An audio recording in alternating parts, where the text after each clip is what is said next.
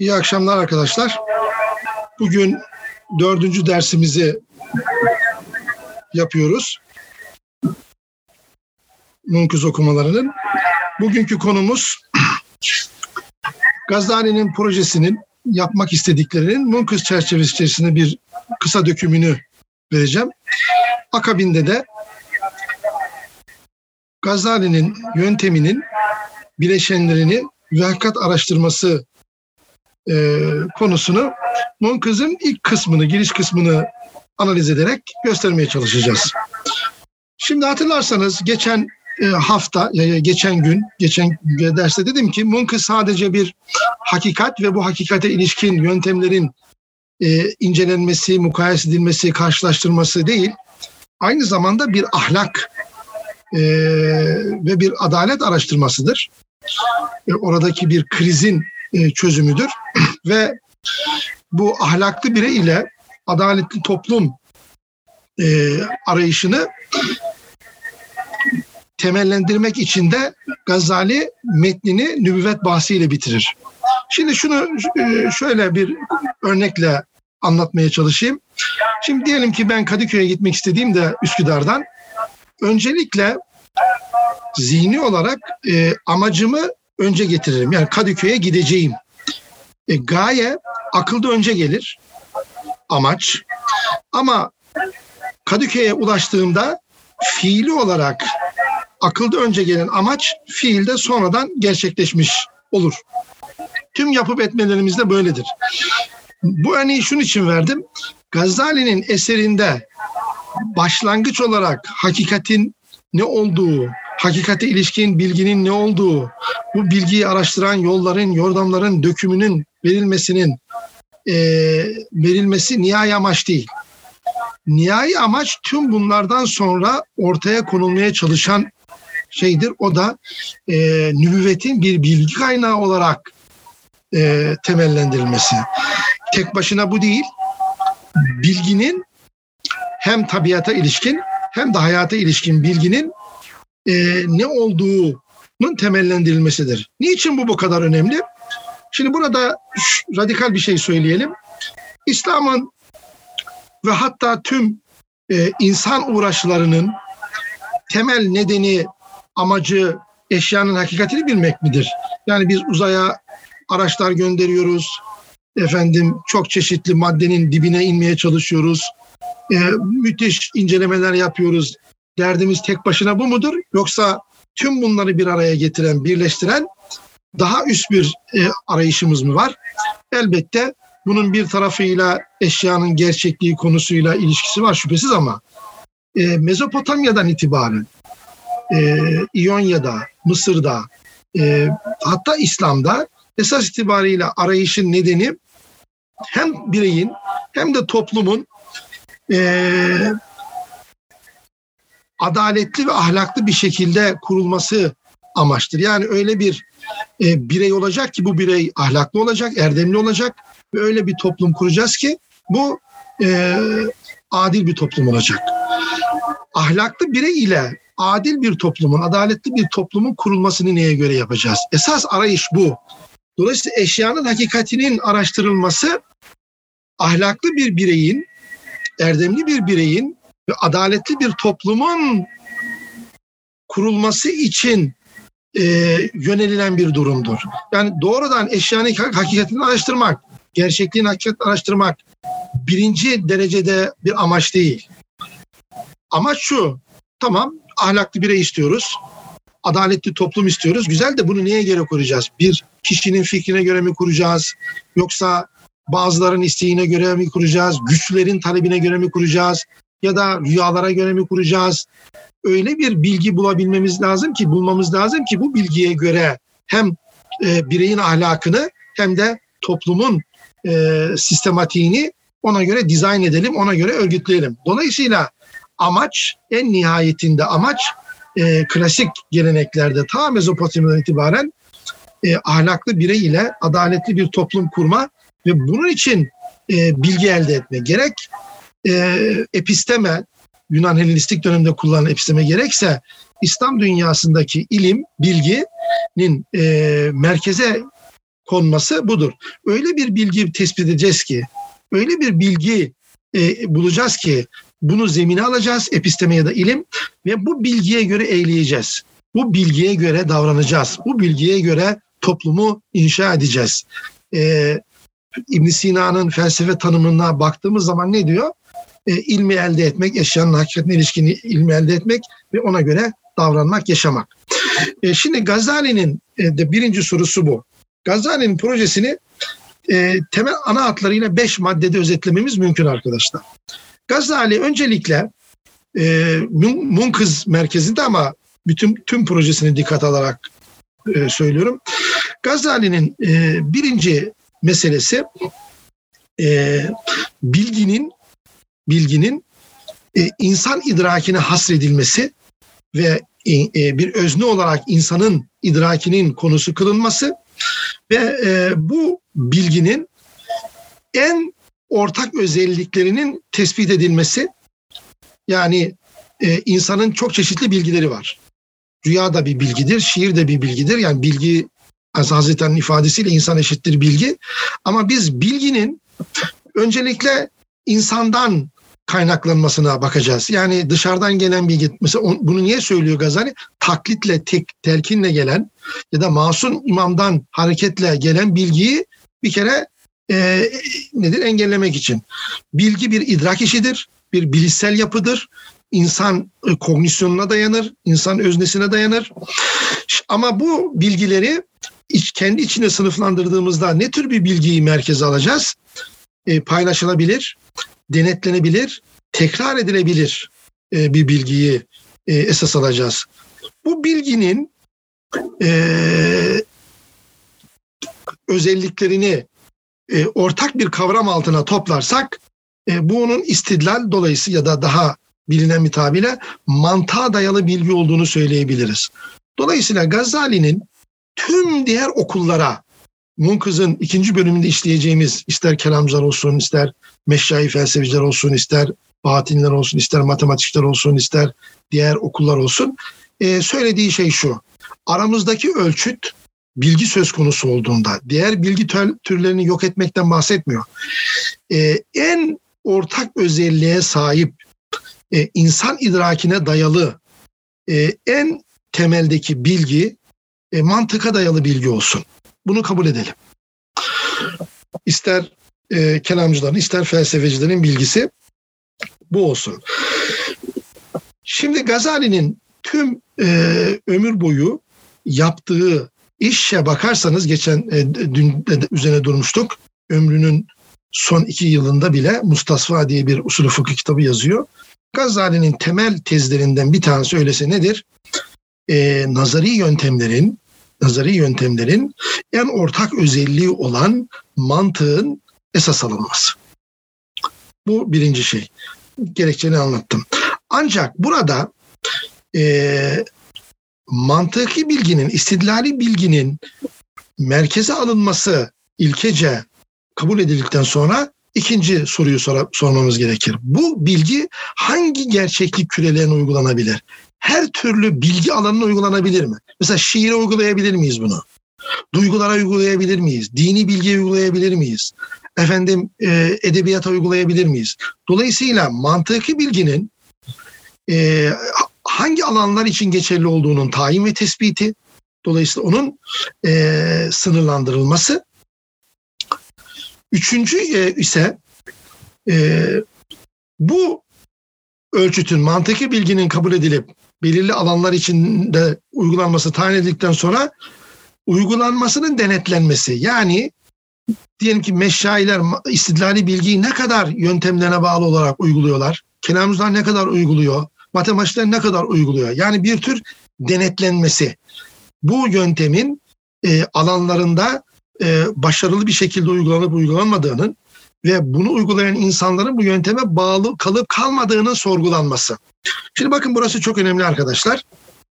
E, Gazali'nin e, projesinin e, en temel e, noktalarından biri budur. Bu ne sağlıyor?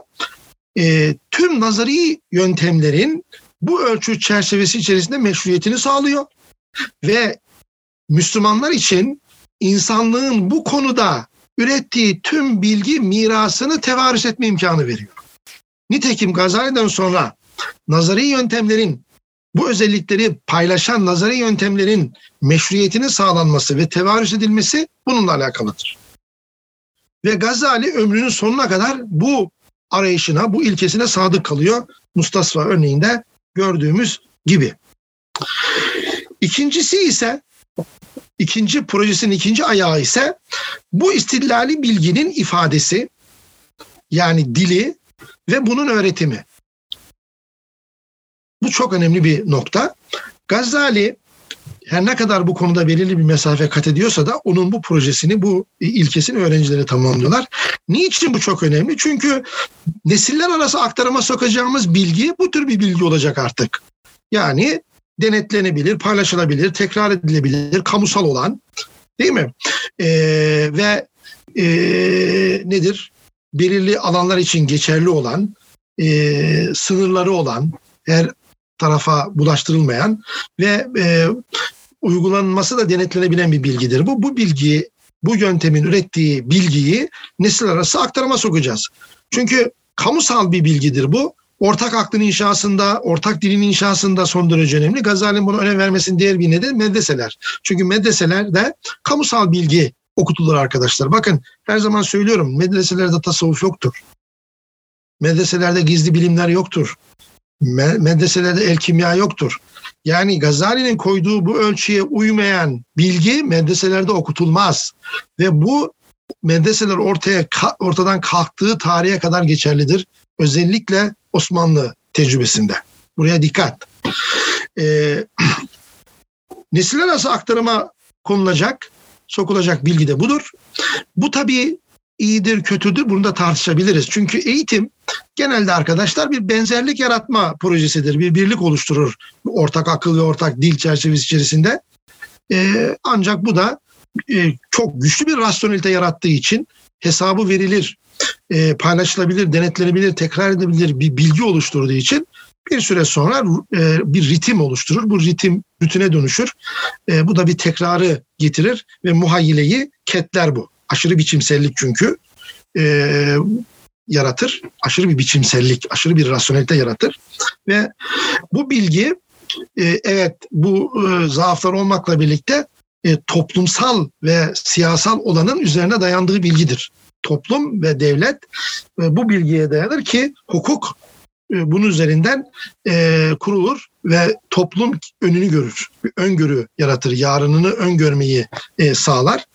E, onun için yeri gelmişken konumuzla alakalı değil ama şunu söyleyeyim. E, ilginçtir. E, farklı böyle nasıl diyelim hani e, alışılmışın ya da mevcudun ötesinde e, bilgi üreten genelde klasik geleneklerde e, bu gizli bilimlerle uğraşan sufi meşrep insanlardır genelde. Bu da enteresan ve ilginçtir. Nitekim biz bilim devrimi anlatılarımızda Rönesans'tan e, itibaren e, şeyin ölümüne kadar Newton'un 1700'lerin başındaki ölümüne kadar e, özgün bilim adamlarının e, farklı iş yapan bilim adamlarının genelde gizli bilimlerle efendim simya gibi e, e, ya da sayı mistizmi, aritmetoloji gibi gizli bilimlere ilgilendiğini görüyoruz. Kepler de öyledir. Efendim Boyle öyledir, Newton'un kendisi öyledir. Zaten e, İtalyan e, Rönesansı'nda böyledir. İtalyan e, coğrafyasında mesela okullarda e, o dönemin okullarında bu gizli bilimlerde gizli bilimlerde okutuluyor. Ama Osmanlı medreselerinde örnek olarak hiçbir zaman bu tür bilimlerin okutulduğunu görmezsiniz. E, çünkü hesabı verilen bilgi esastır e, bu çerçevede. Şimdi niye? Çünkü bu bilgi, bu bilgi esas itibariyle dil, mantık, matematik ve usule dayanır. Dört temel bileşini vardır. Dört temel sacayağı var. Bir taraftan dil, dil de formel bir bilim. E, mantık e, zaten apaçık bir şey. Matematik özellikle geometri ve usul bilgisi. E, ister usulü fıkıh olsun, ister usulü din olsun. E, şimdi bu bilginin iki önemli özelliğinin gösterilmesi. Bir ifadesi, iki de bunun öğretimi. Şimdi ifadeden kastettiğim şu, bu bilgi için öyle bir dil geliştireceğiz ki e, belli bir eğitim alan insanların dahil olabileceği bir e, alan oluşması lazım. E, ikincisi ise bunun hiyerarşik bir eğitimini verilmesi lazım. Yani basamaklı gidilmesi lazım. E, birden her konu herkes açılmaması lazım. Gazali'nin e, Munkız'da da çok sık atıf yaptığı, diğer eserlerinde de gördüğümüz e, hem fels bazen felsefeden, bazen matematik bilimlerden, bazen tasavvuftan, bazen kelamdan insanları uzak tutmaya çalışması bu açıdan hep yanlış anlaşılıyor. Sanki bunları yasaklıyormuş bu adam gibi. Hayır. Geçen e, dün de söyledim. Belirli bir hiyerarşik e, düzen içerisinde bunun verilmesi bu da pedagojik bir şeydir. Eğitimle alakalı bir şeydir. Nitekim Gazali'nin çizdiği bu çerçeve daha sonra medreselerde e, uygulanacaktır. Özellikle Merv ve sonrasında yazılan eserler e, bunu gösterecektir ki İslam medeniyetinde e, ister Çin, ister Malay dünyası, ister Hint, ister e, Türkistan, İran, Anadolu Balkanlar, Kuzey Suriye, Irak ve Mısır coğrafyası olsun okutulan eserlerin büyük kısmı Gazali'den sonra yazılan eserlerdir. Bu bir tesadüf değildir. Artı artı e, medreselerde bu dönemde yetişen e, düşünürlerin bu gerekçeleri dikkate alarak telif ettiği metinlerdir. E, yarı sembolik bir dil. Arapça lafsi bir şey ama yarı sembolik. Sadece e, belirli bir eğitimi alan insanların nüfuz edilebileceği, edebileceği bir şey. Dolayısıyla Gazali'nin ikinci e, projesinin ikinci ayağı istidlali bilginin yukarıda anlattığımız özelliklere sahip istidlali bilginin ifadesi yani dili ve bunun e, hiyerarşik öğretimi, medreselere yerleştirilmesi. Bu ölçütten pay aldığı müddetçe, bu ölçüte yakın olduğu müddetçe her türlü bilgi medreselerde kendine yer bulabilir. Açıktır. Yani siz diyelim ki el kimyayı e, bu ölçüte uygun bir hale getirdiğinizde, dilini buna göre inşa ettiğinizde medreselerde e, okutulabilir. Bir sıkıntı yok. Eğer okutulamaz, e, getirilemezse okutulmaz. Üçüncüsü ise Gazali'nin e, yöntemindeki dikkat edilecek nokta, Munkız'da sık sık atıf yapacak onu göreceğiz. Bir alandaki başarının suistimal edilmesinin engellenmesi. Bu son derece önemli. Gerek felsefe gerekse batıniler özellikle İhvan-ı Safa arkadaşlar belirli bir e, kendi bilim sınıflandırmaları içerisinde belirli bir alandaki başarılarını e, daha üst bir aşamaya e, daha başka alanlara da taşıyorlar. Onun meşruiyetini kullanıyorlar. E, bu şu demek mesela matematik bilimlerde kesinlik var. E, matematik bilgi güvenilir bir bilgi. Bu konuda çalışma yapıyorsunuz ama buradan siz yaptığınız ve matematikte elde ettiğiniz başarıyı metafiziğe, e, ve diğer alanlara taşıyorsunuz. Diyorsunuz ki biz matematikte kesin bilgi elde ettik. Bak burada da elde ederiz. Bunun yarattığı bir psikolojik durum var. Gazali bunu çok iyi yakalıyor. Yine gelmişken yine söyleyeyim. Hani Nietzsche'nin Dostoyevski için söylediği bir söz var. E, ben e, insanı bir Rus'tan, bu Rus'tan öğrendim diye. Gerçekten arkadaşlar insanı, insan psikolojisini ve toplum psikolojisini Gazali kadar iyi yakalayan nadir e, yakalayan düşünür çok nadirdir. Gerçekten hem bireysel anlamda psikolojiyi hem de toplumsal anlamda psikolojiyi çok iyi yakalıyor. Çünkü e, ciddi bir projesi olduğu için. Şimdi bu bugün için de geçerlidir. Diyelim ki e, YouTube'da var. Özellikle e, e, şimdi tam ismini de hatırlamıyorum ama bir tartışma vardı. Evrenin bir amacı var mıdır? E, teologlar, Amerika'daki teologlarla bilim adamları bunu tartışıyorlar. Dawkins gibi bilim adamları. Şimdi orada başka bir bir Harvard'da bir fizikçi bu meşhur bir e, aslında fizikçi var ismini unuturum. Garip bir ismi var. E, onun enteresan bir sözü var bilim adamları yönelik olarak. Diyor ki bilimde elde ettiğiniz başarıyla teolojik meselelerde bir üstünlük kurduğunuzu zannediyorsunuz. Bu doğru değil. Bak aynen Gazali'nin söylediği şey bu işte. Bu günümüzde de bu geçerli. Hatırlarsanız size geçen ne demiştim? E, bugünü düşünün. Yani bugün bu olay olsa ne olurdu? Nasıl bir tepki olurdu? Çünkü e, insan insandır. Sade enstrümanlar değişiyor. Tepkiler, e, etkinliklerimiz aynı. Yani siz diyelim ki çağdaş fizikte, matematikte, işte kuantum fiziğinde ve benzeri alanlarda elde ettiğiniz bir bilgi var. Bu e, orta ölçekte de çok başarılı bir bilgi. Buradan hareket ederek e, Tanrı ile alakalı, evrenin gayesiyle ve amacıyla alakalı da söz söyleyeceğinizi zannediyorsunuz diyor. Bu bilimsel bir şey değil ki. Siz sadece büyük patlamadan sonraki durum hakkında konuşabilirsiniz. Öncesiyle konuşamazsınız diyor. Çok enteresan bir tabir. Gazali de aynen bunu söylüyor. Diyor ki herhangi bir bilgi dalındaki başarını, başarıyı diğer bilim dallarındaki meşruiyet gerekçesi olarak kullanamayız. Bunu özellikle e, kendisinin de işaret ettiği Munkız'da e, İhvan-ı Safa yapıyor. Batınilik. Bilmiyorum hiç İhvan-ı Safa'nın risalelerine göz gezdirdiniz mi? İhvan-ı Safa'nın risaleleri bir çorbadır o açıdan. Çünkü bir matematiksel mistizme gömülüdür. Özellikle aritmetoloji dediğimiz sayı ilahiyatı e, merkezli bir sistemdir. Teoloji, kozmoloji, astronomi e, her türlü şeye bunu uygul, uygular. Bir amalgam gibi, bir karışım gibidir. E, fiziğe bile uyguluyorlar bunu. Dolayısıyla ne oluyor burada? Aritmetiğin, e, işte geometrinin, e, o dönemdeki diğer matematik disiplinlerin yarattığı o kesinliği kullanarak siz kozmolojide de efendim e, fizikte de doğa felsefesinde de diğer alanlarda da aynı seviyede eşit derecede kesin bilgi ürettiğinizi iddia edebiliyorsunuz. Gazali özellikle konuya yabancı olanların ve gençlerin bundan etkilendiğini söylüyor ki müthiş bir tespit ve doğru bir tespittir bu. Gazali buna sonuna kadar karşı. Şimdi burada e, İbn Sina'cı felsefenin eleştirisinin de bir mantığı var. İbn Sina felsefeciliği, felsefesi arkadaşlar e, kendinden sonra e, bir doktrin haline dönüşüyor biliyorsunuz. Bir öğreti haline alıyor. Behmenyar ve Lefkeri çizgisini geçen hafta geçen derste bahsettik ve işlevsiz bir e, doktrinler olduğu için artık bir tür din, bir tür ideolojiye e, dönüşüyor. E, ve sıkı eleştiriye konu oluyor tabii. Yani İbn Sina felsefesini sadece Gazali eleştirmiyor. Ebu Berekat Bağdat'ı eleştiriyor. Matematikçiler çok ciddi bir şekilde eleştiriyorlar. Gilani diye bir filozof var eleştiriyor. Daha sonra biliyorsunuz Sühreverdi eleştiriyor. Mesudi eleştiriyor. Fahrettin Razi eleştiriyor. Ve çok ilginçtir İbn Sina felsefesinin en ağır eleştirmeni İbn Rüşd'tür. Mesela bunu kimse söylemez. En ağır eleştirmeni İbn Rüşd'tür ve İbn Rüşd eleştirisini İbn e, Aristoteles, özgün Aristoteles'ten uzaklaşması anlamında sıkı bir eleştiriye tabi tutuyor. Şimdi ama burada Gazali'nin İbn Sina eleştirisi, tehafut eleştirisinin bir mantığı da bir tarafı da e, batıniliğin ve ihvan Safa'nın daha sonraki e, şeyinin, e, görüntüsünün İbn Sina felsefesiyle desteklendiğini fark etmesi. Çünkü İbn Sina felsefesi e, hakikatin bilinemezliği konusundaki söylemleriyle bir sır kavramı yaratıyor. Sır, esrar.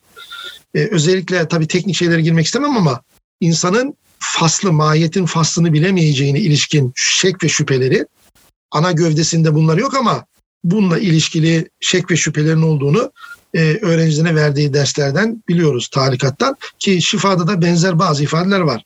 Bu bir sır kavramı, bir esrar kavramı yaratıyor.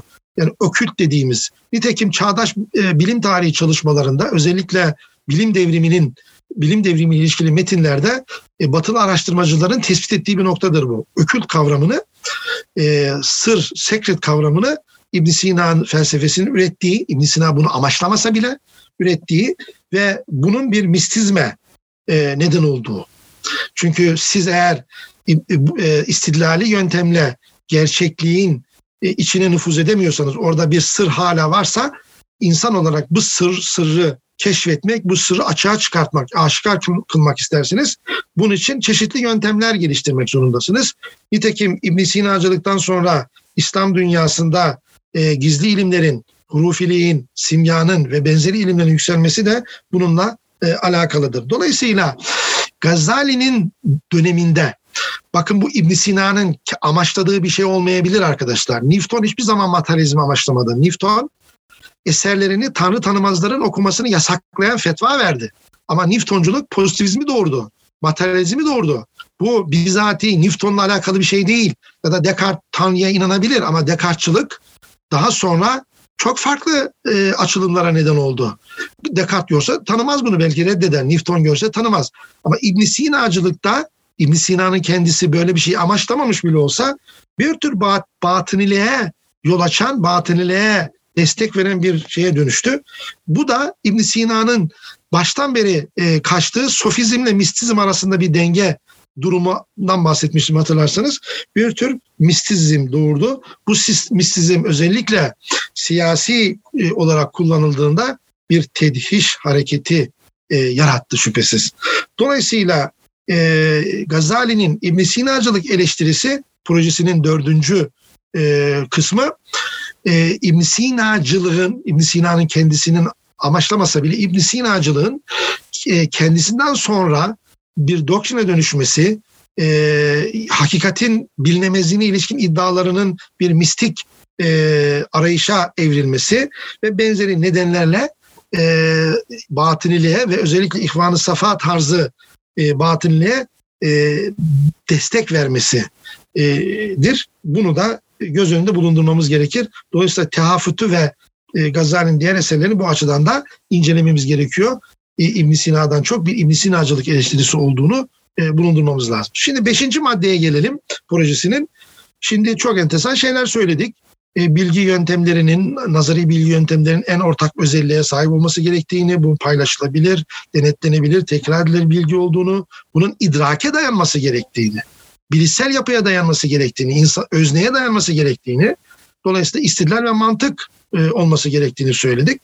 E, bunun nedeni açık. Çünkü biz e, tabiatı, gerçekliği e, makul olan, yani oradaki mahsusu makule çevirerek biliyoruz. E, buna biliyorsunuz e, biraz e, nedir onun adı? İbn Teymiye'nin kitabının başlığında kullandığı sarih sarihul makul yani apaçık şüpheden ari bilgiler, makul bilgiler elde etmeye çalışırız. E, bir de toplumsal bilgide de e, vahyin e, yani naklin e, doğru bilgisini elde etmeye çalışırız. Nedir o? Sahihil mankul. Şimdi burada şu soruyu sorabiliriz. Eğer e, en ortak özellik mantıksa, istidlalse nübüvvetin burada yeri ne olacak? Çok önemli bir soru.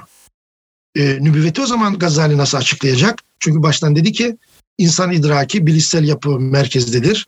İnsan öznesi üretir bilgiyi. Dışarıdan e, telkinle, taklitle, Munkız'ın başında biraz sonra göreceğiz en çok eleştirdiği kavram. E, masum bir imamlar rüyayla falanca dedi filanca dediğiyle bu iş olmaz.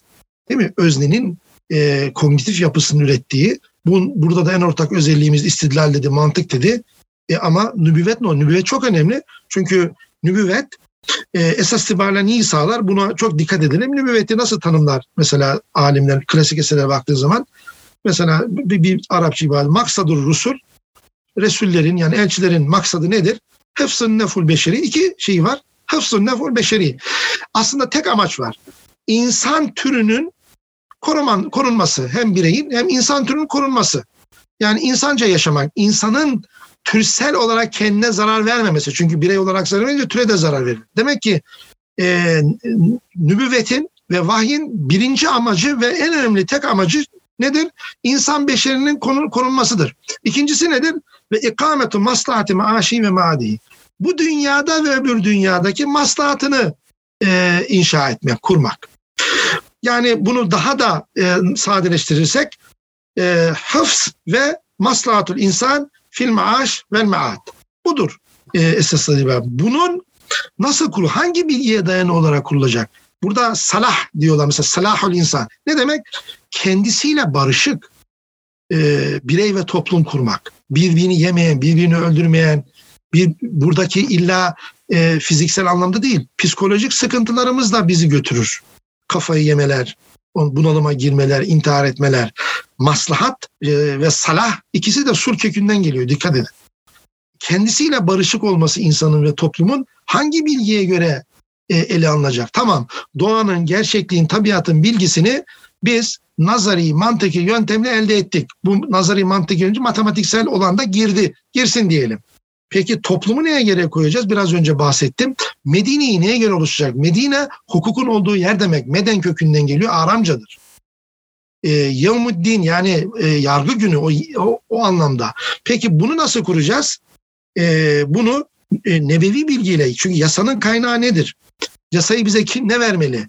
Güçlüler mi vermeli? Zayıflar mı vermeli? Zenginler mi vermeli? Çok önemli bir konu. Ee, bugün yasanın kaynağı nedir? Yasayı kim hazırlıyor? Ee, şöyle bir şey diyebilir misiniz? Hani bunu sorayım geçeyim. Dünyada yasa çok adil olarak hazırlanıyor. Eğer öyle adil olarak hazırlanıyor 70 milyon açlıktan ölen insan niye var? Değil mi? Ee, çünkü amaç refahın yaygınlaştırılmasıdır. Adalet budur çünkü. Kamusal refahın yaygınlaştırılması. Böyle bir şey var mı? İşte bu ayrı bir konu ama e, Gazali nübüvveti temellendirmek zorunda o zaman. Bu yap kendi koyduğu ilkeler çerçevesinde nübüvvete de nübüvvete de bir yer açmalı. Bunu yaparken e, iki amacı var dediğim gibi bir yasanın kaynağını e, toplumsal inşadaki bireysel ahlak ve toplumsal adaletteki e, itimat edilebilir, sahih bilgiyi bulmak. İkincisi ise e, hem mistiklerin hem batinlerin geliştirdiği masum, seçilmiş olan kozmik insan, e, ontolojik ayrıcalıklı insanı e, sınırlandırmak. Bunu sadece peygamber denilen e, kişiye hasretmek. Şimdi o dönemi düşünün her tarafta bu tür batıniler, mistik insanlar var. E, bu zamanda tasavvuf, tarikatlar anlamındaki tasavvufun bireylerinde de nükseden bir durum. Kendini seçilmiş kozmik insan kabul etmek ondan sonra ve e, bunun kendisine verdiği bir ayrıcalığı e, iddia etmek. Bunu da sırlandırmak zorunda. Şimdi biz biliyoruz ki e, Farabi ve İbn Sina nübüvveti iç duyular üzerinden muhayyile kavramına dayandırarak e, temellendirmişlerdi. Bu muhayyilesi güçlü olan e, insanlar e, aşkın bilişsellik dediğimiz transandant bir e, kognisyonla yani faal akılla irtibat kuruyorlar ve e, e, nübüvveti bu şekilde temellendiriyorlardı. Bu uzun bir konu. E, Farabi İbn Sina nübüvvet anlayışını Ömer Türker Hoca'nın e, Eşref Hoca'nın, İbrahim Ali Üçer Hoca'nın derslerinden takip edebilirsiniz. Ama neticede orada e, klasik e, kognitif psikolojisi İbn Sina'nın dış duyular, iç duyular ve akıl iç duyulardaki muhayyine kavramı e, üzerine inşa ediyordu. Şimdi Gazali'nin burada dikkat çektiği önemli bir şey var. Eğer muhayyileyi merkeze alırsak bu batini fikirlere yol açan bir imkan verir. Çünkü muhayyilesi güçlü olan bir sürü insan olabilir. Ve o muhayyileyi kullanarak e, kendilerinin kozmik bir yaratılışta olduğunu iddia edebilirler.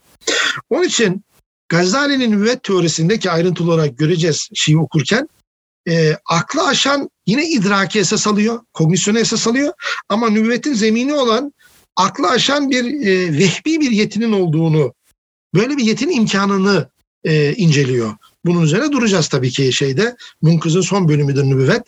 Nübüvvet Munkız'ın son bölümün olmasının da anlamı budur. E, Munkız nübüvvetle bitiyor dikkat ederseniz esas itibariyle. Ondan sonraki daha çok öznel kendi hayat hikayesiyle ilgili bir anlatı. Dolayısıyla nübüvvetin zemini olan vehbi ama yani bu muhayyile çünkü her insanda var. Aklın üstündeki e, bir idrak, nübüvvet idraki e, bu sadece e, Tanrı'nın verdiği, özel insanlara verdiği. Böylece hem e, seçilmiş insanı sınırlandırmış oluyor hem e, bunun e, tüm insanlar tarafından paylaşıldığını engellemiş oluyor yani. Dolayısıyla e, ilginç bir şekilde e, göreceğiz nübüvvet kısmında mucizeler, icaz, tevatür e, bunlar tek başına müvveti Gazali'ye göre temellendirmiyor. Aynı zamanda nasıl anlayacağız bu kişinin nebi olduğunu? Eylediklerinin ve söylediklerinin insana ve topluma e, kazandırdıklarına bakacağız. Yani neydi nübüvvetin amacı? Hıfz ve maslahatul insan el beşer nevul beşeri fil mebde attı ya. Buna ne kadar katkıda bulunduğuna bakacağız. İnsana ve topluma kazandırdıklarına bakacağız. Buna ilişkin örnekler e, veriyor. E, kısaca Munkız çerçevesi içerisinde Gazali'nin e, projesinin temel bileşenleri bu şekilde e, çerçevelenebilir. Şimdi Munkız'a geldiğimiz zaman e, Gazali'nin tam da başladığı yer bilgi nedir? Bilgilerin şimdi bilgi dediğimiz hadiseye baktığımız zaman diyor değil mi? E, bir sürü mezhep görüş var. Ondan sonra hemen girişte e, ilimlerin gayesini soran kişiye verdiği cevap diyor ki sen bana diyor ilimlerin gayesini sordun, sırlarını sordun. Bir sürü bu görüş var, bu görüşler e, inanılmaz tahribata neden oluyorlar. Ayrıntılarda boğulup kalıyorlar. Ve herkes kendi yolunu e, önemsiyor. Şimdi Gazali diyor ki ben diyor sana önce ilimlerin gayesini anlatacağım sırlarını göstereceğim. Sonra mezheplerin ne olduğundan bahsedeceğim. Sonra kendi yolumu buradan nasıl bulduğumu, e, bu farklı yöntemler, farklı meslekler arasında kendi yolumu nasıl bulduğumu anlatacağım.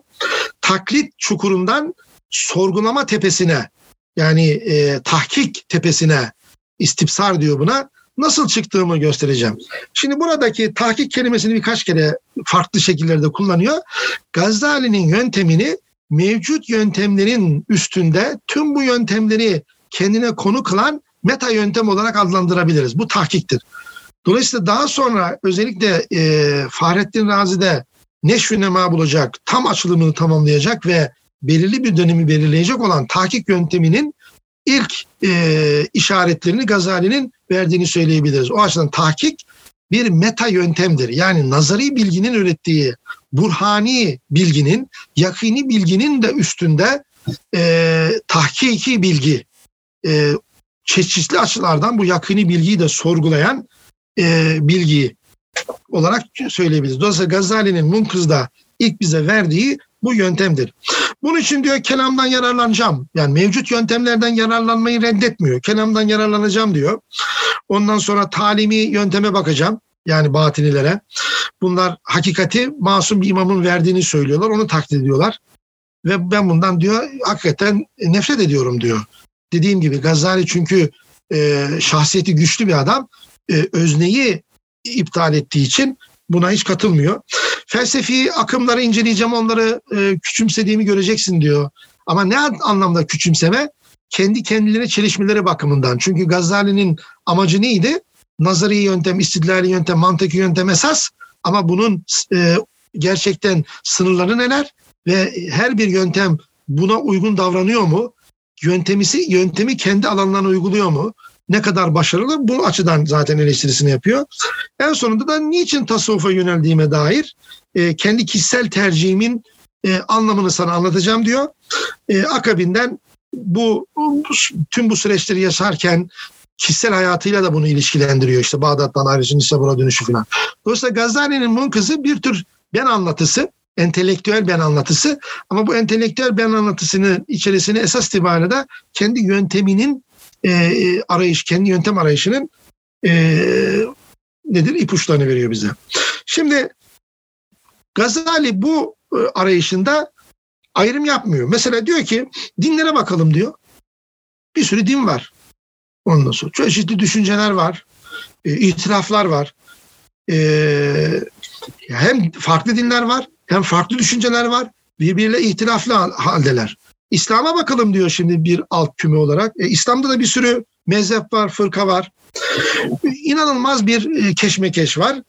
Ondan sonra bu keşmekeşin yarattığı bu büyük ummanda e, denizde e, herkes e, yüzüyor ve çok az insan kurtuluyor. E, her, hemen hemen herkes bu keşmekeş içerisinde bu bahr kelimesini kullanıyor, boğulup gidiyor. Şimdi tabii e, büyük adamların tarihte önemli iş yapan insanların e, bu tür arayışlarının merkezde olduğunu biliyoruz. İbn Heysem'in metinlerini ben Türkçe'ye çevirdim biliyorsunuz. İbn Heysem derslerinde de okudum onları hatta. İbn Heysem de aynı şekilde başlıyor yola. Etrafıma baktım herkes çeşitli fikirlere yönelmiş. Felsefi, dini, şu bu. E, taklit yoluyla bunu yapıyorlar. Başka nefsi gerekçelerle yapıyorlar. Bunları önemsemedim, kendim yola çıktım filan demesi de benzer bir şekilde Gazali ile üç aşağı beş yukarı e, aynı e, şeyde min, minvalde gidiyor. Şimdi sayfa 44'te benim okuduğum metindeki 44'te ne diyor? Ve kullu ferikin e, yaz'umu ennehu naci ve kullu hizbin bima ledeyhim ferihun. Yani her işin garibi diyor bu keşmekeş içerisinde her fırka kendisinin başarılı olduğunu, kendisinin kurtuluş erdiğini söylüyor. Ondan sonra herkes mutlu hayatından. Yani bu tarafı da var. Ben bundan rahatsızım, ben bunu resmini çekiyorum, analiz ediyorum. Burada bir problem var diyorum ama e, insanlar mutlu. Ben niye böyleyim diyor. Bu fıtratımla alakalı. Hemen o bölüme geçiyor.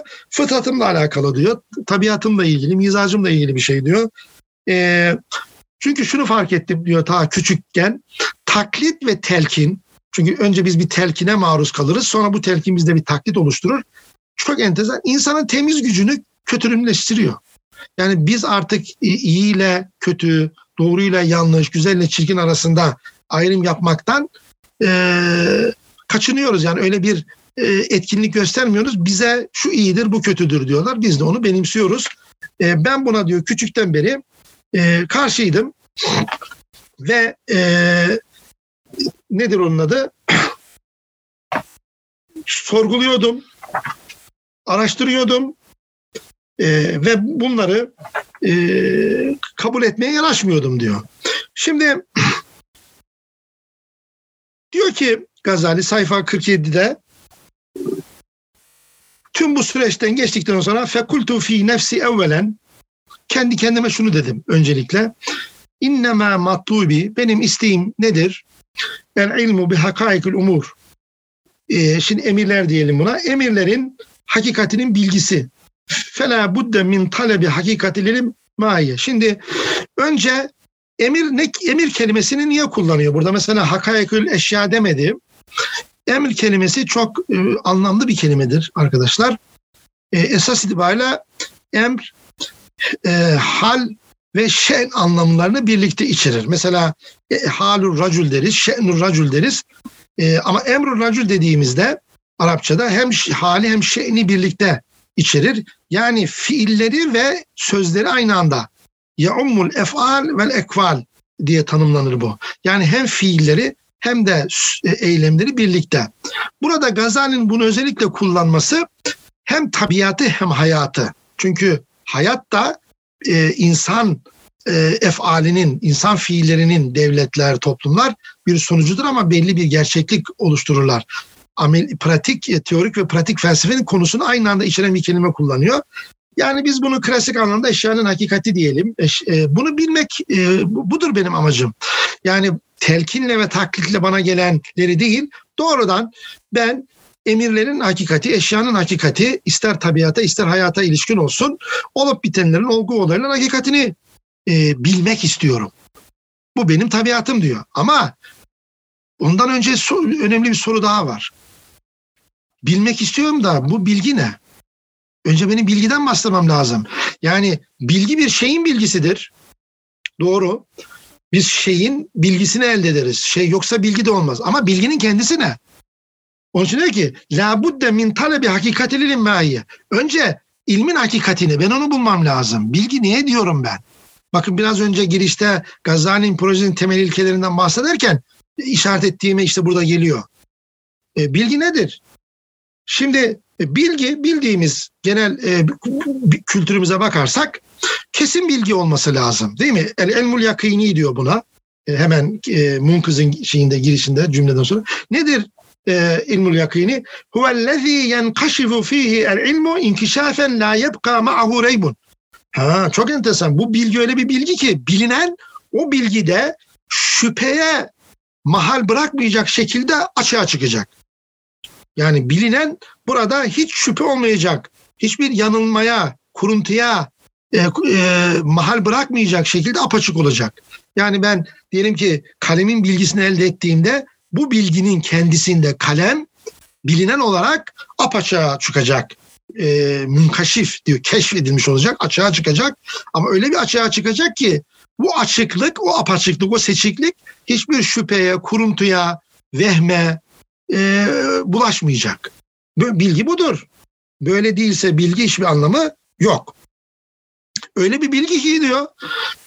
Bu bilgiyi ben elde ettikten sonra biri bana kalkıp dese ki e, kardeşim 10 e, 3'ten e, küçüktür ya da 3 ondan büyüktür dese ben buna önce inanmam. Bana dese ki bak ben seni inandıracağım. Nasıl inandıracaksın? Elimdeki değini ejderhaya dönüştüreceğim. Bunu Gazali örnek veriyor. Bunu yine benim reddederim diyor. Yaptığı işe hayret ederim ama bilgi eğer apaçık, kesin, açık seçikse, e, malumu, bilineni e, açıkça ortaya, aşikar bir şekilde ortaya koyuyorsa benim e, o kişinin yaptığını hayret etmemle beraber bilginden şüphe etmemem lazım. Böyle bir bilgi arıyorum ben diyor. Ancak böyle bir bilgi üzerine ben bir şeyler inşa edebilirim. Yani ister taşı altına çevir, ister e, değneği ejderhaya çevir, ne yaparsan yap, benim bu bilgide beni sarsmayacak e, bu kişi. Bu bana bir eman, bir güvenlik verecek. Eman, iman dikkat edin çok önemlidir. Eman ve iman Gazali'nin sık sık kullandığı kelimelerdir. Eman ve iman. İkincisi de ikisi de emniyetle alakalı. E, ve burada e, Gazali e, böyle bir bilginin olup olmadığını araştırıyor. Böyle bir bilgi var mı? Ee, böyle bir bilgiyi sorgulamaya başlıyor sayfa e, 47'den itibaren. Şimdi burada kalp kelimesini çok sık kullanır Gazali. Ee, ve bununla alakalı bir soru da geldi arkadaşlar. Kalbi çok yanlış anlıyorsunuz. Gazali İhya'da bunu anlatıyor ama bakın Munkız'ın e, tekrar ilim hayatına döndüğünü anlattığı 110. sayfada e, kalpten ne anladığını söylüyor zaten. Ennel insane hulike min bedenin ve kalp. E, insan beden ve kalpten yaratılmıştır. Ve ani bu bir tefsir ifadesidir. E, kalpten şunu kastediyorum. Ve ani bil kalp hakikater ruh. Ruhun hakikati. Elletiye mahallu marifetillahi teala. Ki bu ruhun hakikati dediğim kalp Cenab-ı Hakk'ın bilgisinin mahallidir. Dûnel lahmi ve demi ellezî yuşâriku fîhil meyte vel behime. Yani ölünün, hayvanın ortak olduğu kan ve etten oluşan kalbi kastetmiyorum diyor. Tamam mı gençler? Yani böyle beş tane soru sorulmuş bana. Hocam Gazali kalp diyor. Kalp düşünür mü falan. O değil ya. Biraz terminolojiye dikkat edelim gençler. Kastettiği bu. Gazali'nin Munkuz'dan okudum. İhya'da da bununla ilgili bir bölüm var. Şimdi Gazali diyor ki peki biz o zaman e, bilginin hakikati nedir? Bilgi nedir? Bunun üzerine e, e, bir tanım yaptık. Böyle bir bilgi var mı bende? Bir bilgimi yoklayayım bakayım. Benden benim sahip olduğum bilgilere baktığımda e, hissiyat ve zaruriyat dediğimiz iki ana tür ayrılır. Hissiyat yani duyularımla elde ettiğim bilgi, zaruriyat da aklımla elde ettiğim bilgi. Benim bilgilerimi kabaca ikiye ayırabilirim. Duyulardan gelen ve akıldan gelen. Bunlar da ya taklit yoluyla elde edilir diyor. E, belirli bir güvene ya nazar teori, teorik düşünceyle elde edilir ya da tahkik yoluyla elde edilir. Üç yöntemle elde edilir. E, bu çerçevede baktığımda önce hislerime, duyu bilgilerime bakıyorum. E, tecrübem, müşahedem ve aklım bunları yalanlıyor. Çeşitli örnekler veriyor biliyorsunuz e, şeye, tecrübi bilgiye. E, hepimizin bildiği duyu yanılsamaları dediğimiz felsefede ve bu bilgilerin duyudan elde ettiğim bilginin yukarıda tanımını yaptığı bilgiye uymadığını. Neydi o bilgi? Ya o kesin bilgi bilinenin bilgide apaçık hale geldiği şüpheden, vehimden, kuruntudan e, ari olduğu bir bilgi. Hissiyat da duyu bilgisi, algı bilgisi bunu bana vermiyor. Deneyimler tekrar edildiği zaman deneyimler bunu yalanlıyor. Bu ya, müşahedelerimiz, gözlemlerimiz yalanlıyor. Aklımız yalanlıyor. Ee, sonra ikinci bilgi bendeki bilgi akli bilgiler evveliyat dediğimiz önsel bilgiler ya da ilksel bilgiler mesela işte 10 3'ten büyüktür. E, bir şey hem var hem yok olamaz. Üçüncü şıkkın imkansız ve benzeri bildiğimiz bilgiler. Şimdi bunlara güvenebilir miyim? Bunlar acaba yukarıdaki bilgi tanımına, yakini bilgi tanımına uyuyor mu? E, şimdi Gazali burada enteresan bir şey yapıyor ve bu aynı zamanda nübüvvet teorisine de e, bir girizgahtır onu da söyleyeyim. Şimdi biz hissi bilgimizden nasıl his, duysal bilgiyi, algısal bilgiyi nasıl yalanladık ya da yanlış olduğunu gösterdik? Aklımızı kullanarak değil mi? Peki aklı bilgiyi de başka bir üst idraki kullanarak yalanlayabiliriz. Yani akli bilginin doğru olduğunu nereden çıkartıyoruz? Burada verdiği örnek uyku örneği biliyorsunuz. Uykuda bir şey görüyorum. Uyandığımda bunun e, yanlış olduğunu fark ediyorum. Acaba benim uyanıklık dediğim durum başka bir duruma göre uyku durumu olabilir mi? Yani sabah kalktım, e, akşam yattığım için sabah kalktım. Orada bir uy- uyku uyanıklık. Acaba ben başka bir yerde uyuyorum da olabilirim. Yani bu uyanıklığım da başka bir yere göre, başka bir duruma göre uyku durumu olabilir. Şimdi tabii e, şüphenin dibi yok. E, alabildiğine gidiyor. Değil mi? Şimdi burada diyor ki şey e, Gazali e, burada nasıl kurtulacağım ben diyor. Yani kanıt nasıl kendim bunun yanlış olduğunu, e, bunun böyle olmadığını nasıl kanıtlayabilirim? Çünkü kanıt yapabilmem için, delillendirebilmem için benim e, evveliyat dediğim ya da müsellama, müsellemat dediğim aksiyomatik e, kabullere ihtiyacım var. E, o yok ondan, ondan şüphelendik diyor. E, ya, dolayısıyla bir delil inşa etme mümkün değil. Bu diyor e, normal bir şey değil benim için diyor. Bu tamamen safsata durumu. Yani kendi durumunun bir safsata durumu olduğunu hatta kısaca bir hastalık durumu olduğunu söylüyor. Ve bu hastalık durumunun e, sadece böyle yani felsefi anlamda konuşarak değil la bir hukmin nutku vel mekal konuşarak efendim yazarak olan bir şey değil. Ben bunu yaşadım diyor. Bir hukmül hal. Nasıl ne anlamda yaşadım? E, konuşma yetimi kaybettim. e, hastalandım, midem, efendim vücut hareketlerim kısıldı. Yani bunu bu şüphe durumunu, bu safsata durumunu, bu çıkmaz sokak durumunu bizzat yaşadım diyor. Hakikaten e, hem biyografisinden hem çağdaş dönemde kaynaklarında bunu biliyoruz. Çok ilginç bir şekilde. Ve iki ay kadar bir tür e, kilitlenme durumu yaşıyor. İki ay kadar.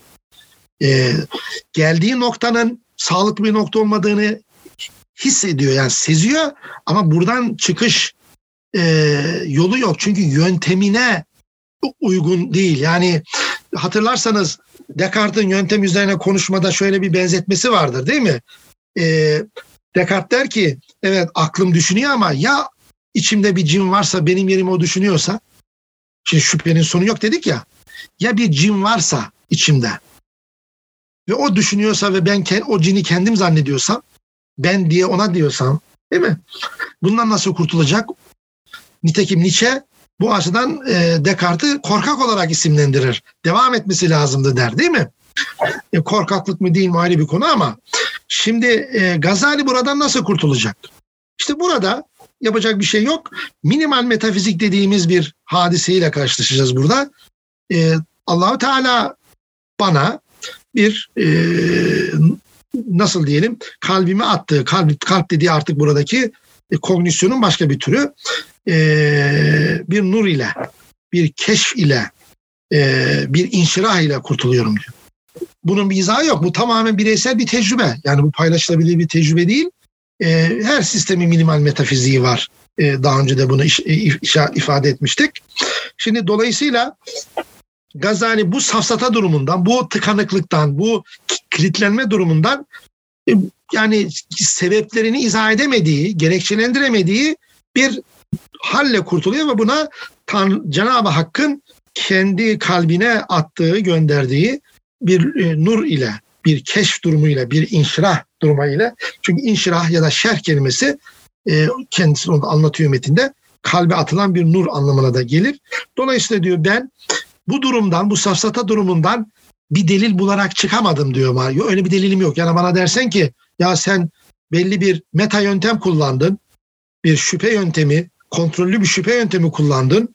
Gittin, gittin, gittin, gittin bir çıkmaz sokağa. Çıkmaz sokak adı üzerine geri dönülmesi gereken bir sokak. Yıkamazsın ki. Peki nasıl geri döndün? Gerekçen ne? Vallahi gerekçem yok. Yani yöntemime uygun. Çünkü o zaman kendisiyle çelişir yöntemime uygun seninle paylaşabileceğim, senin denetleyebileceğim bir şeyim yok. Gerekçem yok. Bu böyle bir hal. Ben e, Tanrı'ya inandığım için bunun Tanrı'nın bir lütfu olduğunu ve kalbime attığı bir nur ile bunu başarabildiğimi söylüyorum diyor. İşte buna minimal metafizik diyoruz. Ve buradan e, geriye doğru tekrar yukarı çıkıp aklın bilgilerinin güvenilir olabileceğini, e, çünkü sıhhat kazanıyorum diyor. İtidalimi tekrar kazandım. Çünkü çok aşırı gittim diyor.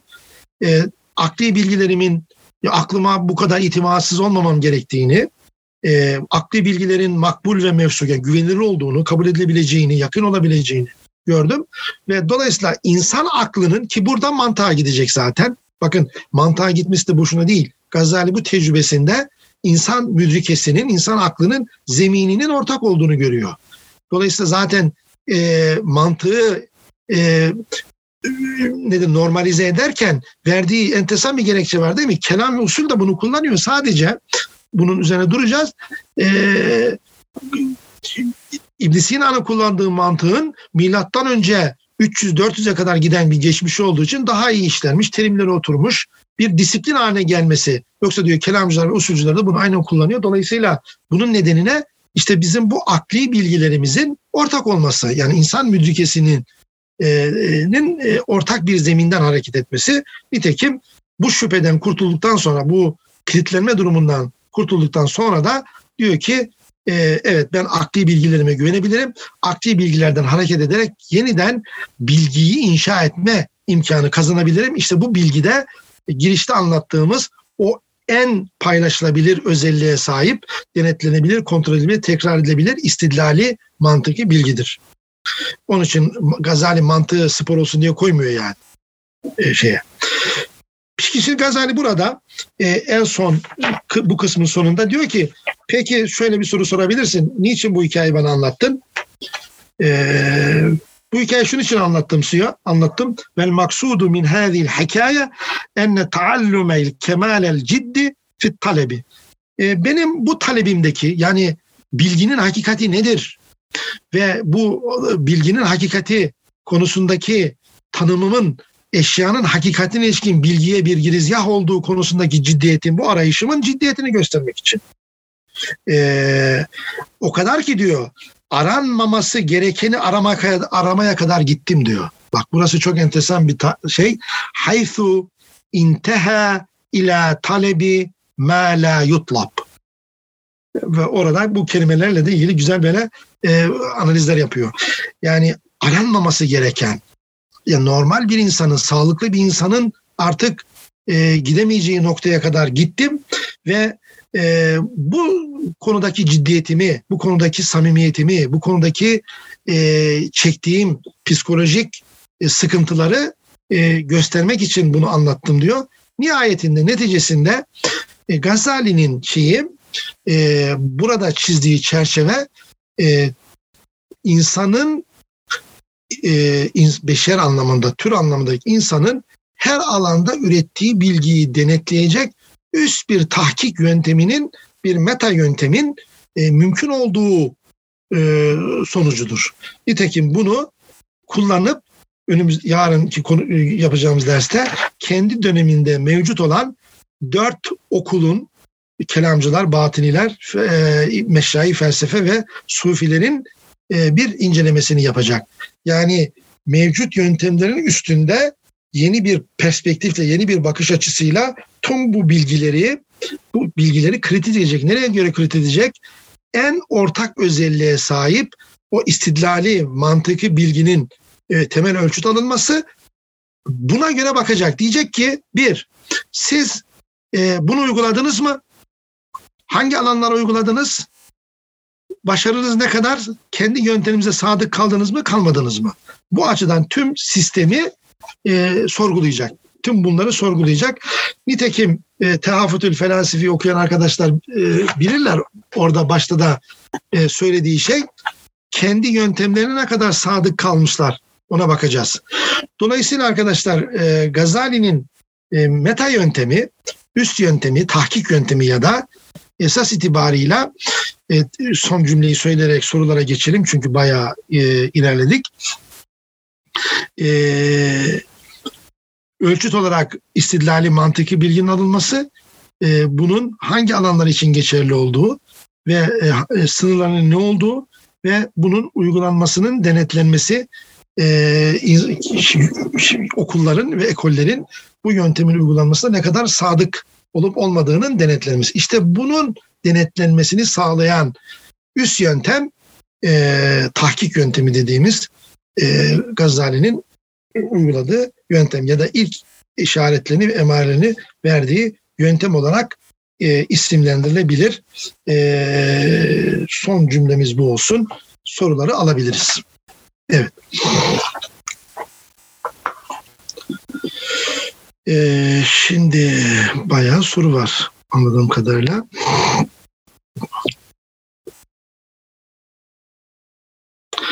ibn Sina metafizine yaptığı kuvvetli itiraza rağmen İslam düşüncesinin bütünlüğü ve sürekliliği ekseninde ibn Sina'nın projesini tamamlayışı olmuştur diyebilir miyiz? Acaba Gazali diyor. Güzel bir soru. Teşekkür ediyorum bu soruyu soran arkadaşımıza. Arkadaşlar e, şunu açıkça söyleyeyim size. E, Gazali felsefesi, aman ibn Sina felsefesi bir öğreti haline aldıktan sonra, doktriner bir karakter kazandıktan sonra gerçekten e, kendi içine dönen bir e, yapı kazanıyor. ibn Sina felsefesinin tekrar işlevsel hale getiren Fahrettin Razi'nin eleştirileridir. Buna çok dikkat edelim. Yani eğer Fahrettin Razi'nin o sahici e, derin eleştirileri olmasa e, ibn Sina felsefesi bu eleştirileri dikkate alıp kendine yeni bir form ve pozisyon tayin etmesi işlevsiz kalabilirdi. Bunun da arka planında Gazali e, elbette var. E, doğru e, metafizik zeminde Gazali İbn Sina metafiziğinin e, bir tür doğrudan tamamlayıcısı ve sürekliliğini sağlama anlamında olmasa bile onun e, nasıl diyelim temel e, kavramlarından, terimlerinden kelamın e, ilkelerini muhafaza ederek faydalanıyor. Zaten Gazali'nin açtığı bu güzergahtan ibn Sina felsefesinin terimleri, e, kelami ilkeler hatta yargıları kelami ilkeler daha önce bahsettiğimiz o ilkeler çerçevesinde kullanılıyor. Buna Gazali neden oluyor. O açıdan diyebiliriz evet. Gazali'yi nazari aklı sınırları konusunda Kant'la mukayese edebilir miyiz? E, metafiziği, mantık üzerine teorik aklın sınırları bağlı Kant'tan daha... Evet doğru. E, Gazali'de e, öz, tabii dönemin felsefi imkanları artık e, Kant'ın dönemindeki imkanlar farklı. Gazali'nin söylediği şu, istidlali aklın imkanlarının sınırlarını göstermek zorundayız. Onun için alanlara çok dikkat ediyor. Yani siz matematikte doğa felsefesinin belirli kısımlarını gösterdiğiniz, yönteminize bağlı olarak gösterdiğiniz ve insanlığa yaptığınız katkıları bunun ötesine geçerek bu istidlali mantık yöntemi kullanıyor gibi görünerek metafizik hakkında konuşamazsınız. Yani rasyonel metafizik, istidlali metafizik yapamazsınız. Buradaki metafizik teolojiyle ilişkili olmak tarafı bakımıyla yoksa tümel bilgi olmak bakımıyla değil. E, rasyonel bir mesela e, psikoloji yapamazsınız. Yani ruh üzerine e, rasyonel bir şekilde konuşamazsınız. Çünkü yönteminizin doğasına uygun değil böyle konuşmak. Burada başka bir şey yapıyorsunuz siz. Ya da e, e, teolojiye ilişen tarafıyla metafizik yaptığınızda yine yönteminizle çelişiyorsunuz. Yani Gazali aslında e, İbn Sinacılara kendi yöntemlerinin sınırlarını göstermeye çalışıyor. Diyor ki buraya kadar çizmeyi aşmayın yani o meşhur hikayedeki gibi çizmeciyseniz çizme hakkında konuşun. E, resmin e, pantolonu da terzi konuşsun gibi yani. O açıdan e, bir benzerlik söz konusu şüphesiz.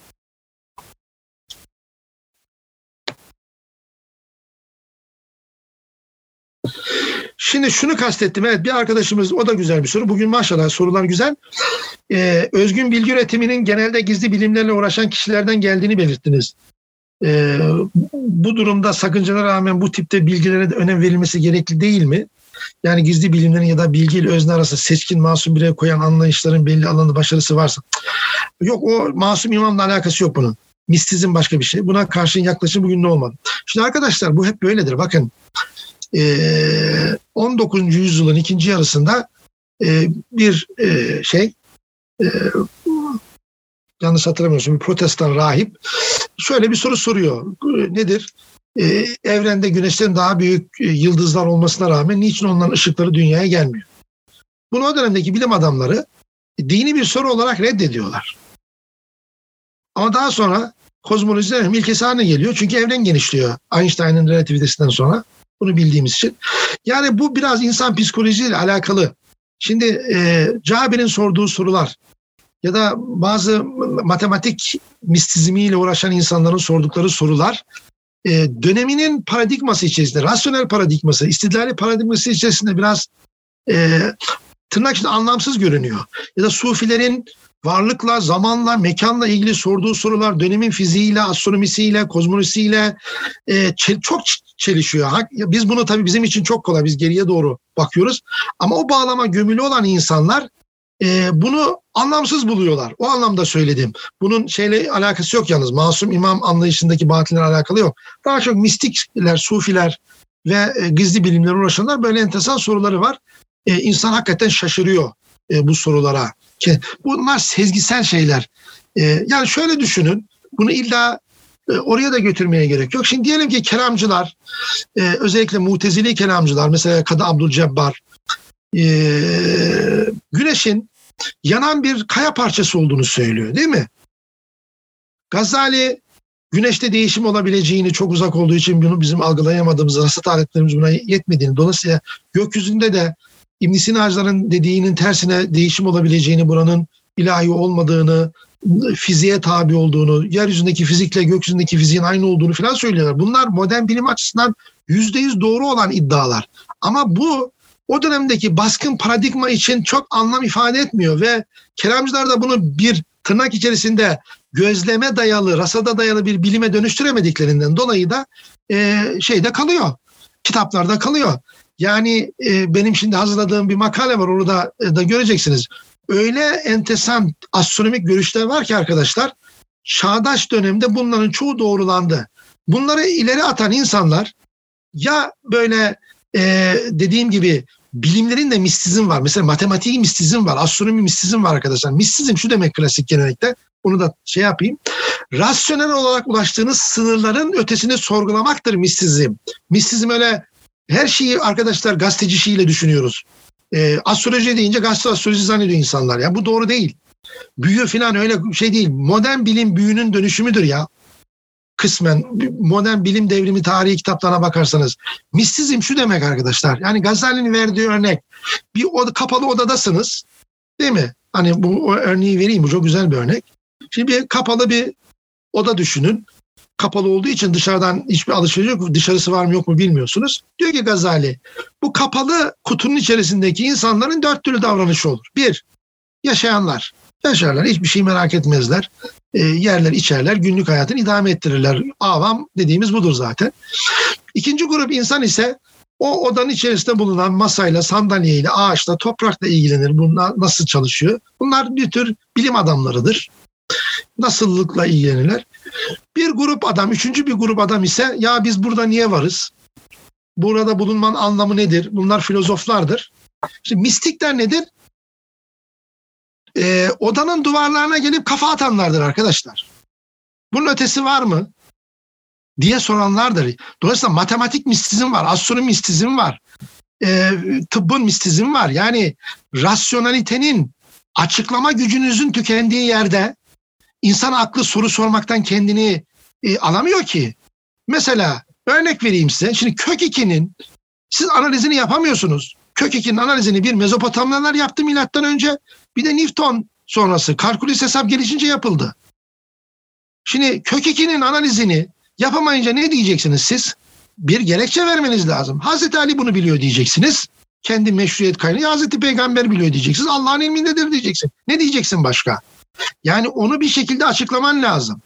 Nitekim göreceksiniz Gazali Munkız'da e, tıbbın ve bazı bilimlerin nebevi bir gelenekten geldiğini söyleyecek. Çünkü nasıl başladığını bilmiyorsun. Dolayısıyla mistizm çok her zaman olumsuz bir şey değil arkadaşlar. İnsan rasyonelitesinin, rasyonelite mutlak bir şey değil. Rasyonelite dönemselliktir. Her medeniyetin rasyonelitesi vardır ve farklıdır. Yani bir rasyonelite var da bu her yerde aynı işliyor değil.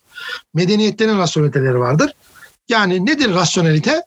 Algoritmik düşünmek, denetlenebilir, efendim e, paylaşılabilir, tekrar edip bilgi üretmek yani kavramsal, nedensel, yöntemsel ve eleştirel bilgi budur e, istidlali bilgi. Siz eğer ürettiğiniz bilginin kavramlarını gösteren, bileşenlerini gösterebiliyorsanız, onların nedensel ilişkileri sokabiliyorsanız, bunu belli bir yönteme göre yapabiliyorsanız ve bu eleştiriye de açıksa bu istidlali bir bilgidir.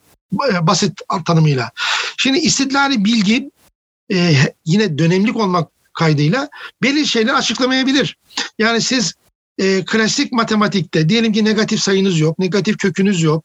E, belirli bir yerde tıkanıyorsunuz. Ama matematik tıkanmıyor. Matematiğin kendisinde bazı e, problemler var. Yani 2'den 5'i çıkarttığında ne diyeceksin negatif sayın yoksa senin?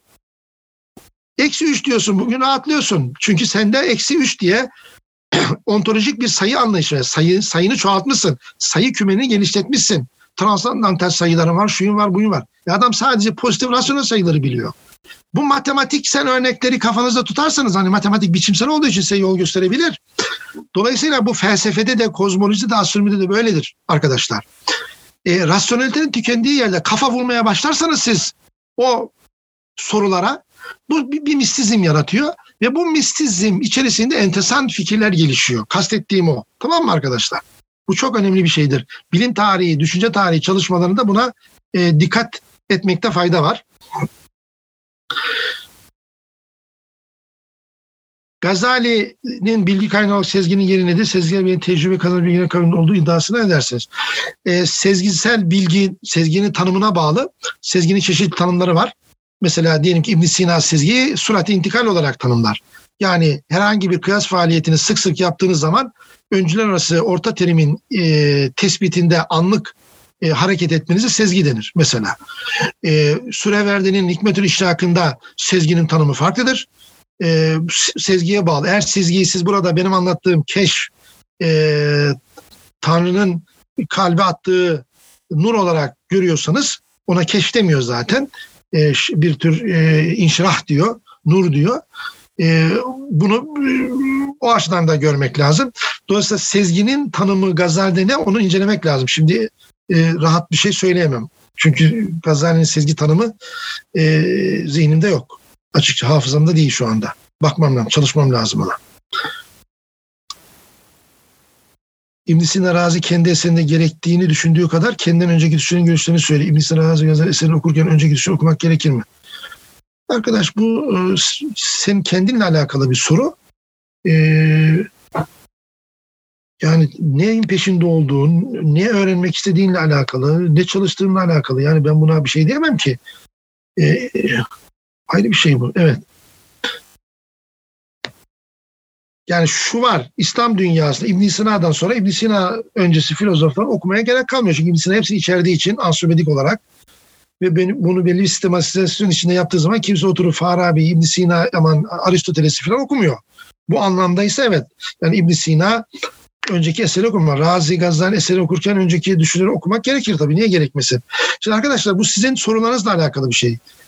Ee, biz bugün çağdaş e, bilimsel yöntemde e, tabii uzmanlıklarla böldüğümüz için her şeyi holistik, bütüncül bir e, yapı kuramıyoruz. Ama diyelim ki siz sayı kavramını inceliyorsanız Mezopotamya başlamanız lazım.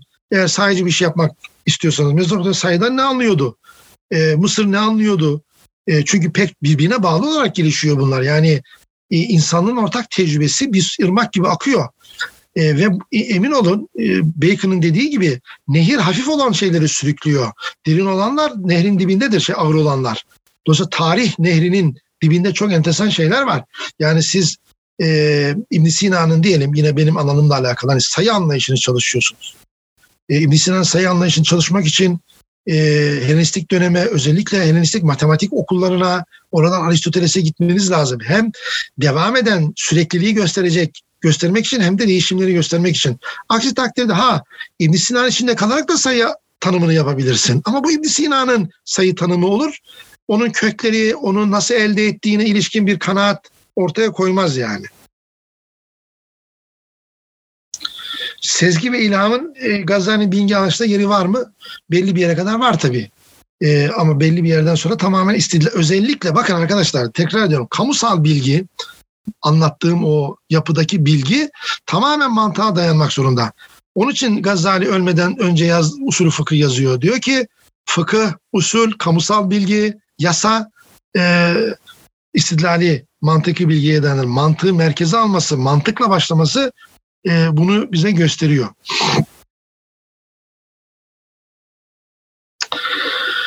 Ah ah arkadaşlar yani daha şahsi olanla te, e, kamusal olanın ayrımını bilmeden soru sormayalım arkadaşlar. Yani lütfen. Peki arkadaşlar ben burada tamamlayacağım çünkü e, e, sorular e, seviye kaybetmeye başladı. E, onlarla tek tek uğraşamayız şu anda. Hepinize iyi akşamlar diliyorum. Yarınki okumada buluşmak üzere. Hayırlı iftarlar efendim.